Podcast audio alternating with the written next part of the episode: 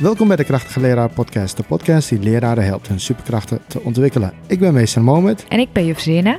En vandaag hebben wij een interview met Ronald Keizer, lector rekenen wiskunde aan de Hogeschool IPABO Amsterdam. En waar gaat het over? Uh, het gaat over de um, discussie over rekenen en wiskunde en over dat die discussie effectiever en constructiever gevoerd kan worden dan dat die nu gaande, dan dat er nu gaande is. Ah, Oké, okay, nou, top. Nou, veel plezier iedereen.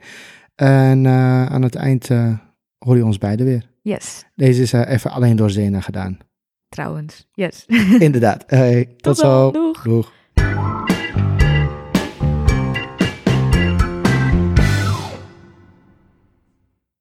Welkom Ronald, dankjewel dat uh, ik je mocht interviewen. Uh, zou je jezelf misschien kort kunnen voorstellen voordat we beginnen? Ja, ik ben Ronald Keizer. Ik ben aan de Hogeschool IPABO lector. Mm -hmm. En eigenlijk mijn hele leven bezig geweest met het, oh, nou niet mijn hele leven, uh, mijn hele werkzame leven bezig geweest met ontwerpen van rekenwiskundeonderwijs. Ja. Um, vanuit het idee dat kinderen daar veel aan moeten hebben, dat het wel leuk mag zijn. Ja. Uh, en, dat, nou, ik, en ik heb er zelf ook heel veel lol in. Oké, okay, wat leuk. En uh, naast dat ben je ook uh, docent op de IPABO of was? Uh, ben... Ja, als lector geef ik wel wat les. Ik heb, maar daarvoor was ik gewoon docent. Dat ben ik de IPABO al vanaf 99. En daarvoor werk ik bij een andere PABO vanaf 1988. Oké. Okay. En heb je ook zelf lesgegeven in het basisonderwijs? Alleen tijdens mijn promotieonderzoek. Ah, en dan specifiek rekenen, wiskunde? Ja, mijn promotieonderzoek ging over het leren van breuken. Ja. Daarbij is het ontwerp natuurlijk helemaal een, een uitdaging, want dat wordt in het algemeen als iets heel saais en, en moeilijks ervaren. Ja. En de, uh, de vraag daar is van hoe kan je dat nou betekenisvol maken voor kinderen? Ja. En hoe kan je zorgen dat ze daar zeg maar ook echt uh, kennis kunnen construeren in plaats van regels navolgen? En daarom heb ik een halfjaartje in twee groepen zes les gegeven mm -hmm. om een experimenteel programma uit te proberen, om dat vervolgens te beschrijven. Oké, okay. interessant. Um, je hebt samen met Michiel Veldhuis een artikel geschreven genaamd uh, Discussie reken wiskunde onderwijs. Um, over welke discussie gaat het dan? Um, het gaat over de discussie uh, wat nou beter is. Traditioneel rekenwiskundeonderwijs of realistisch rekenwiskundeonderwijs. En uh, we hebben dat artikel geschreven op verzoek van de redactie van JSW overigens. Mm -hmm. Die ook merkte dat die discussie gaande was. En uh, wij wilden dat graag doen omdat we merkten dat er allerlei oneigenlijke argumenten in de discussie gebruikt werden. Okay. En dat um, wij dachten van discussie is mooi. Dat hebben we ook in het artikel geschreven. Discussie en gesprek en dialoog is mooi. Maar als je dat doet uh, door zeg maar, alleen maar de ander zwart te maken, door, merken, door middel van het maken van een karikatuur of door uh, dingen te schrijven die gewoon weg, domweg niet waar zijn, -hmm. dan heeft niemand er wat aan. Dus we hebben um, redelijk objectief geprobeerd te beschrijven wat voor argumenten er gebruikt werden, wat de waarde van die argumenten is en uh, hoe de boel wat ons betreft wel zit. Oké. Okay. En waarom is deze discussie überhaupt in het leven geroepen? Ontbreekt er iets aan het huidige onderwijs? Nou, hij is niet in het leven geroepen. Um, hij ontstond. -hmm. um, en um, er zijn eigenlijk twee zeg maar, ideeën achter hoe dat ontstaan is. De ene heeft ermee te maken dat ik vermoed, want dat, dat, dat zie ik aan degene die zeg maar vooral de actoren zijn in, in de discussie, ja. dat uh, opa's en oma's ineens zagen dat het rekenwiskundeonderwijs van hun kleinkinderen heel anders was dan ze zelf gedaan gehad hebben. Ja. En dat ze het idee hadden dat daar waar ze zelf zeg maar heel traditioneel onderwijs gekregen hebben, waar het ging om uh, zeg maar flink wat stampwerk en dat soort dingen. En dat zagen ze niet meer terug. Dus toen dachten van ja, maar dat doen die kinderen helemaal niet meer, dus ze leren niks. Mm. Het andere was dat uh, er vanaf, ik denk zo'n beetje de eeuwwisseling, uh, rapporten, nou iets daarvoor zelfs rapporten geweest zijn over uh, waarin de op onderwijsopbrengst in Nederland vergeleken wordt met allerlei andere landen. Ja. En daarin zien we dat de opbrengst van het Nederlands onderwijs uh, terugloopt. En dat blijft maar teruglopen. Niet heel veel trouwens, een heel klein beetje, maar het loopt terug. En um, nou, toen begon echt modder gooien, waarbij uh, zeg maar de een de ander aanwees van jij bent de schuld van dat het terugloopt. Ja, precies. En ik hoorde je ook kort noemen van, er zijn twee uh, uitersten eigenlijk in de discussie. Namelijk de traditionele manier van Ja. rekenen en de uh, ja, betekenisvolle, realistisch rekenen. Ja. Uh, wat houden deze twee visies precies in? Nou, je hebt zeg maar verschillende eh, zeg maar, uitleggen daarvan, maar eh, Ja. grofweg zou je kunnen zeggen bij, dat bij realistisch rekenwiskundeonderwijs eh uitgegaan wordt van eh, dat kinderen rekenen en wiskunde zelf construeren. Daarom begint het onderwijs daar heel vaak met eh, voor kinderen betekenisvolle contexten. En de andere visie traditioneel is van je leert kinderen gewoon een aantal regels die ze bestaan. Dan doe je door dat gewoon heel nauwkeurig en precies eh, zeg maar voor te doen, zodat de kinderen dat rustig kunnen navolgen. Om vervolgens daarna eh, dat te laten toepassen in situaties waar het zinvol is. Ja, en dan, eh, maar dan klinkt het wel alsof ze allebei gecombineerd worden, toch? De twee Nou. visies, dat ze dan toch niet zo ver uit elkaar staan. Nee, ik denk dat de tegenstellingen dan wel eens overdreven worden. Ook als je zeg maar kijkt naar de, de, je zou kunnen zeggen vanaf zo'n beetje eind jaren negentig kwamen er heel veel methoden, realistische methoden te markt. Ja, Ehm, nou, daar werd al zeg maar, eh, eh, zou je kunnen zeggen, ehm, wat traditionele dingen worden daar, waren daar gewoon nog ingevoegd, want die bestonden nog gewoon. ja, Tegenwoordig zie je methodes die zich profileren als traditioneel. Dan zie je ook een aantal elementen waarvan ik denk, ja, maar die zie ik in een andere methode ook terug. ja, Ehm, dus ik denk dat de boel inderdaad niet zo ver uit elkaar ligt. Ehm, en dat eh, argumenten soms zeg maar, op de spits gedreven worden alleen om met modder te kunnen gooien. ja, Eh, wel het onderliggende idee dat ehm, waar kinderen eh rekening en wiskunde voor nodig hebben, eh, zie ik in die discussie wel zijn verschillende manieren naar voren komen. Terwijl, terwijl, terwijl als ik zeg maar, en daar reken ik mezelf min of meer toe, eh, mensen die uit die realistische hoek komen, veel meer denken in de term van ja, waar heb je dat rekenen en wiskunde nou voor nodig? mhm, En dan veel kritischer kunnen zijn op eh, zeg maar het leren cijferen bijvoorbeeld. Van waarom zou je dat doen als bijna alle berekeningen met een rekenmachine gemaakt worden?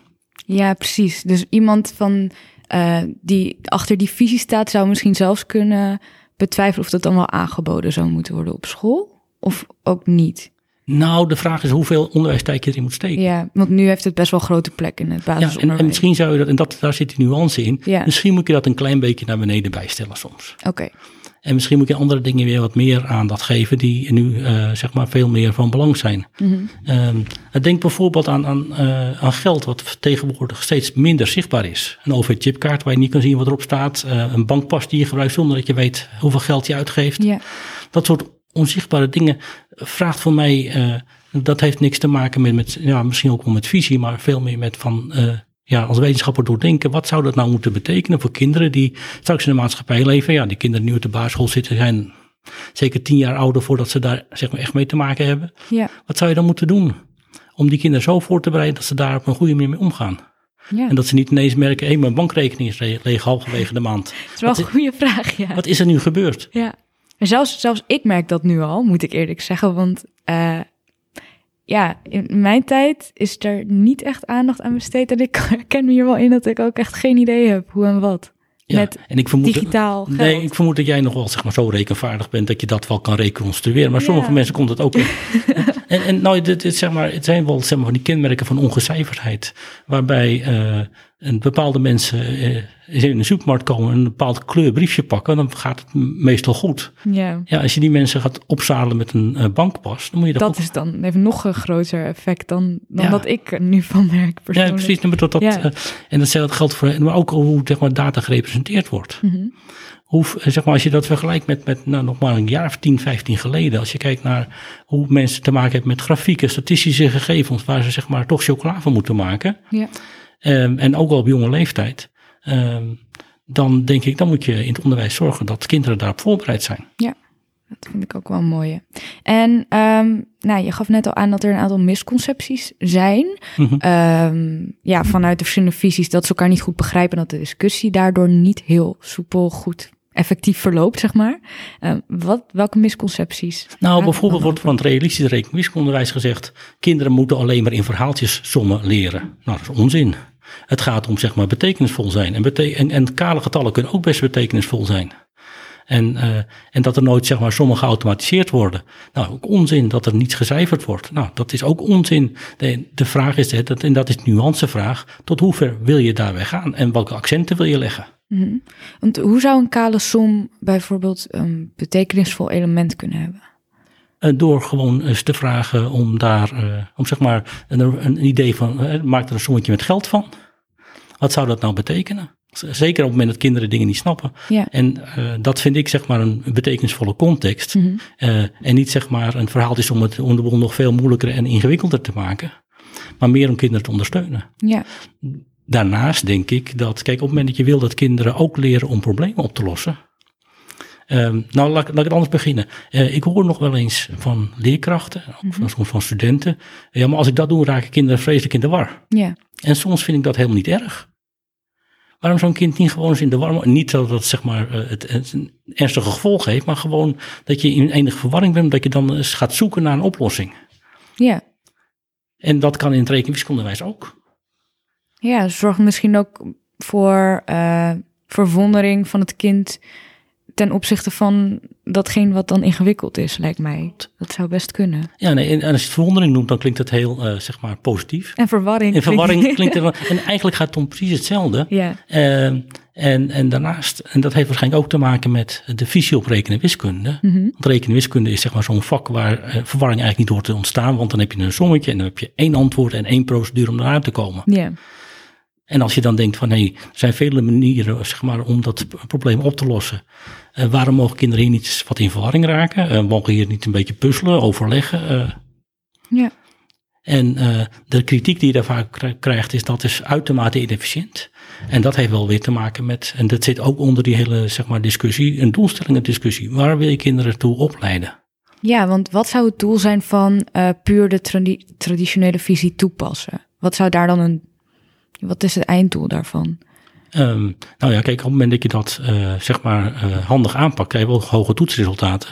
Ja, Maar maar of de kinderen in de maatschappij daadwerkelijk. nou ja, dat, dat is de, de, het centrum van, het de kern van de discussie. Ja, Ehm, en als zeg maar toetsopgave inderdaad vragen om reproductie, Ja. en dat doet het nog wel eens, eh, dan kan ik me voorstellen dat eh, je dan roept van ja, maar mijn manier is beter, want ik krijg hogere resultaten. Mhm. En dan denk ik, eh, ja, en als onderzoeker denk ik dan niet van ja, wel eens niet is, maar dan probeer ik te analyseren van wat op waarop baseer je dat? En dat baseer je dan blijkbaar op eh, dat, je, dat kinderen kale som moeten oplossen. precies. En daar kan je inderdaad het vraagteken bij stellen. Ja. En ehm, ik denk dat ik het antwoord al een beetje kan proeven, maar hoe zou de discussie er idealiter uit moeten zien? Nou ja, ik zou veel liever een dialoog hebben dan een discussie. Oké. En ik vind het, ja, we hebben het in het artikel discussie genoemd, Mhm. maar eigenlijk is het niet anders dan modder gooien. Ja, En eh, wil je, ik wil niet weten wat ik voor dingen af en toe naar mijn hoofd krijg eh, op Twitter en zo, als, als er weer zoiets uitkomt. En niet dat ik me daar veel van aantrek, Nee. maar dat he- helpt helemaal niemand. Nee, het is niet echt constructief. Dat is nauwelijks constructief en een dialoog kan natuurlijk op allerlei mogelijke manieren. Dan ga je gewoon met elkaar in gesprek. Ja, En dan kan je ook zien dat, zeg maar, wat je, aan- wat je ook aangeeft. eh, je moet naar een nuance zoeken. Je moet, eh, en op zich vind ik het helemaal niet erg als iemand zegt, nou ja, mijn doel is om kinderen hoge toetsresultaten te halen. Ja. Want daar, daar gaat het om. Dan denk ik, nou ja, dat mag je best als doel stellen.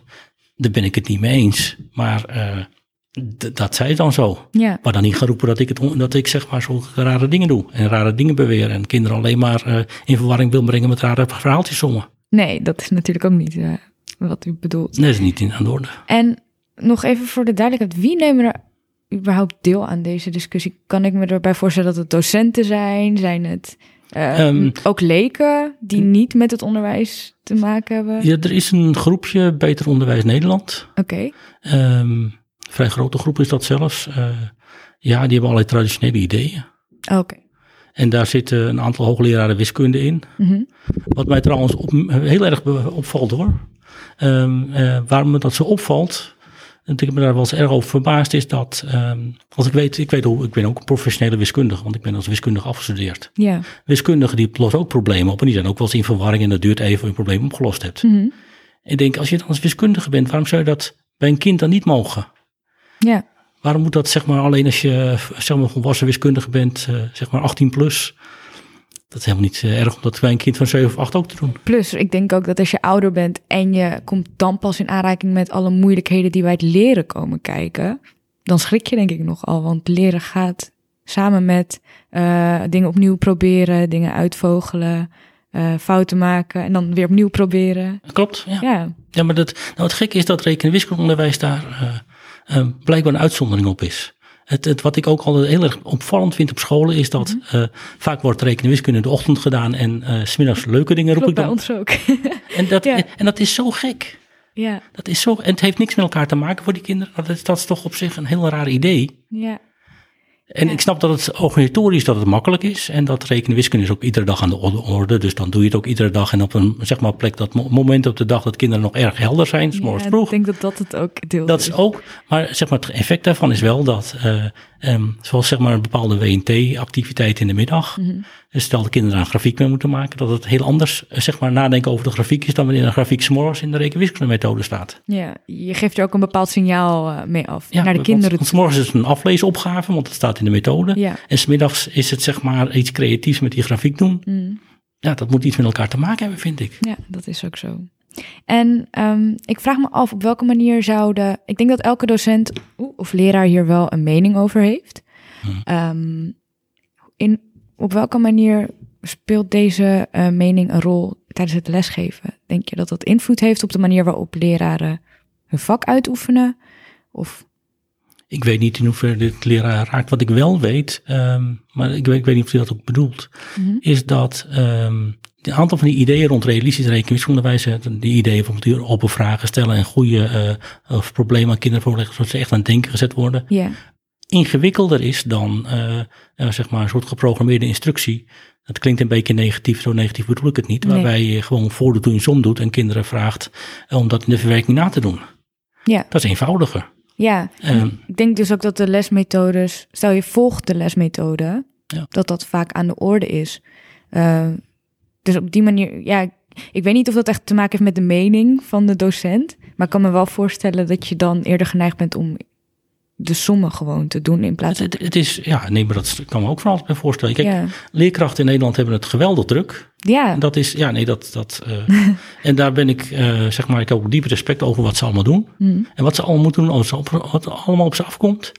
Ehm, wat ik ook altijd probeer is eh, na te denken over hoe je juist dit soort ideeën, die toch wat moeilijker zijn dan, eh, zou je kunnen zeggen, het traditioneel de methode volgen. Hm. eh, hoe je dat enigszins makkelijk in je onderwijs kan inbedden. Want het, ja, zodat het niet heel veel extra werk is, zodra, maar het is niet makkelijker. nee, dat. Mijn verhaal is iets moeilijker dan zeg maar het allermakkelijkste verhaal. Ja, En dat zou ook kunnen maken dat eh, zeg maar, je als overlevingsstrategie daar makkelijk voor kiest. Zonder dat ik de leraren kwalijk neem dat ze dat doen.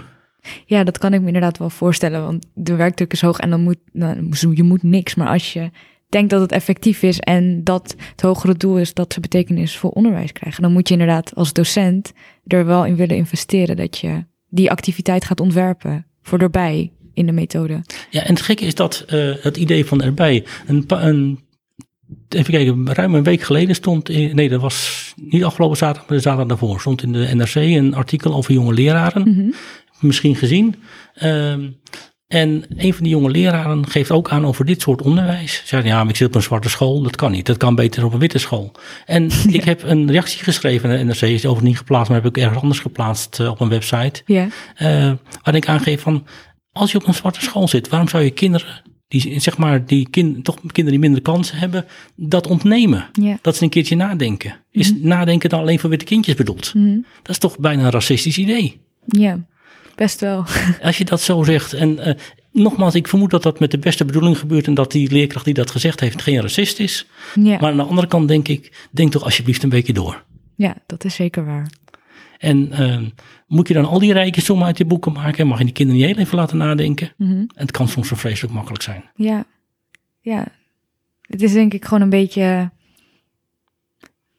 inderdaad de makkelijkste weg. Plus dat ze angstig zijn voor dat het misschien dan niet werkt of zo. Ik weet niet wat het Ja, is, maar- ik weet niet. Ja, of Gewoon- dat, ja, je geen kan het hoge resultaten oplevert. Of, Ja, ja. hm. nou, een beetje gek inderdaad. En ehm, denkt u dat het belangrijk is om als docent deel te nemen aan deze discussie? In ieder geval kennis van nemen vind ik belangrijk. Mhm. En dan ehm, vooral kritisch blijven. eh, kijken welke. En, en dan zeg maar niet eh, als een. eh, ja, zo'n blind achter een van de meningen aanlopen, maar gewoon alle argumenten we- wegen. Dat eigenlijk vind ik het meer algemeen voor leraren. Die, die, ja, je bent op een HBO-niveau of eventueel universitair niveau opgeleid. Ja, Dus dan moet je argumenten kunnen wegen en daar een verstandige keuze in kunnen maken. precies. En dat is dan denk ik ook gelijk eh, hoe zij op een constructieve manier deze bijdrage kunnen leveren. En, dan kan je, en er zijn genoeg plekken waar je binnen je eigen team of binnen zeg maar, conferenties voor leraren gewoon je eigen ideeën en, en vormgeving kan uitwisselen. Ja. Zo, eh, dit is zeg maar de discussie, dit is wat ik in mijn school daarmee doe. Eh, en dit, zo past het wel bij mij, zo past het niet bij mij. Mhm.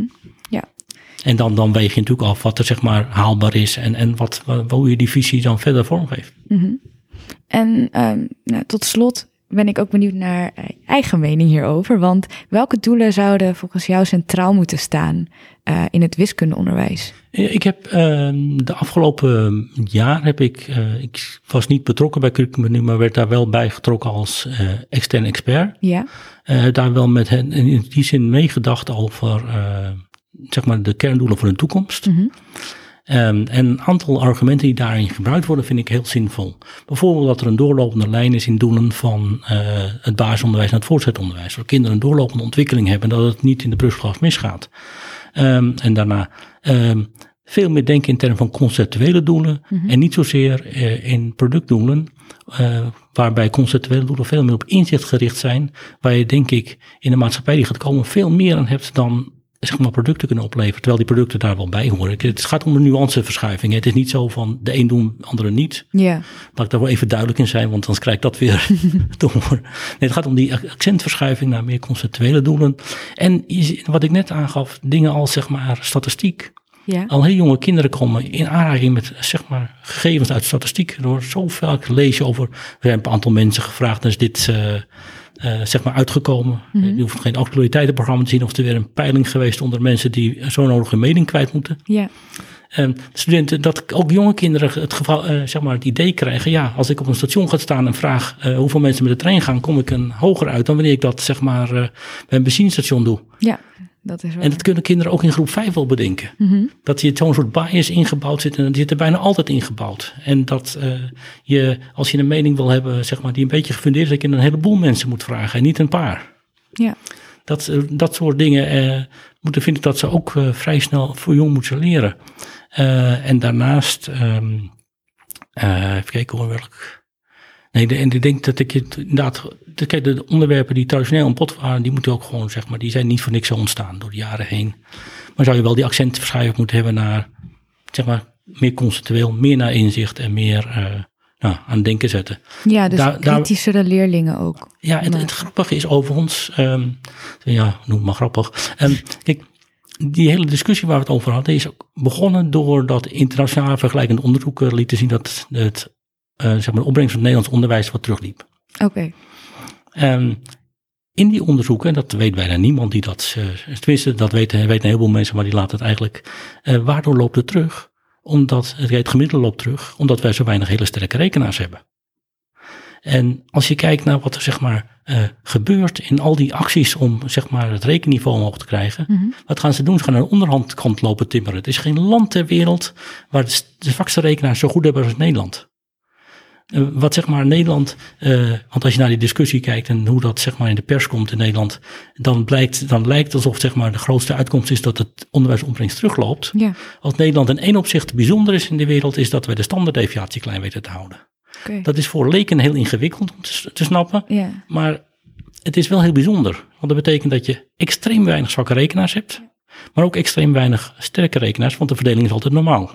Nou, dat zijn van die ingewikkeld, is, dat is wat ingewikkelder dan zeg maar je eh, in de actualiteitsrubriek naar voren zou kunnen brengen. Dus die je gewoon het gemiddelde loopt terug. ja, precies. Maar het is misschien juist waardevoller dat er niet zulke extreme verschillen zijn. Eh, Dat heeft wel zijn voordelen, Ja, ja. want je wil zo min mogelijk ongelijkheid binnen het onderwijs, lijkt me. Nou ja, en bovendien, kijk, die allerzwakste rekenaars, die zijn niet maatschappelijk redzaam. Ja, En wat je wel wil is in het onderwijs mensen afleveren die maatschappelijk redzaam Ja. zijn. In een maatschappij die behoorlijk wat vraagt van wiskundekennis. zeker. Dus dat eh, is, is wel iets wat mij wel altijd verbaasd heeft. Dat we zeg maar, eh, die hele discussie gaat over die onderkant, terwijl het probleem in de bovenkant zit. En, en zeg maar, het belangrijk ander verschil in Nederland met de rest van de wereld is het volgende. Is dat in Nederland opvallend weinig onderzoeksachtige achtige activiteiten in de rekenwiskundeles gedaan worden. Mhm. Ehm, het gekke is dat ehm, zeg maar in discussie eh, je eigenlijk eh, zeg maar, eh, met modder gegooid wordt, omdat we dat.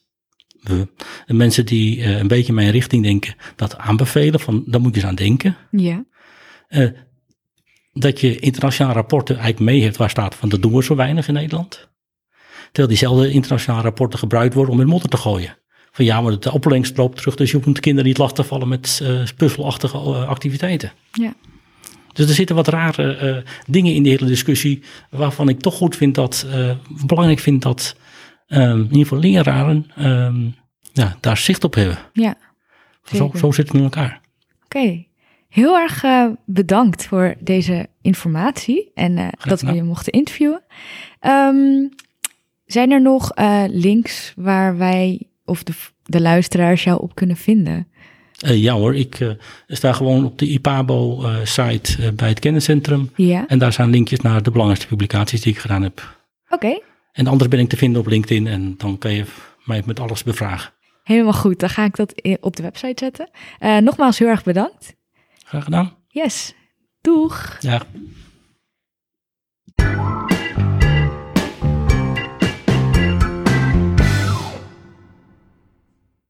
Welkom, terug. We hopen dat jullie hebben genoten van de podcast. Um, alle uh, websites uh, en uh, andere informatie over artikelen die werden genoemd tijdens de podcast zijn te vinden in de show notes op www.krachtigeleraar.nl. Mm -hmm. En we hopen jullie over twee weken weer te horen. Dat jullie ons horen. Ja, Oké. Okay. Doei. Doei.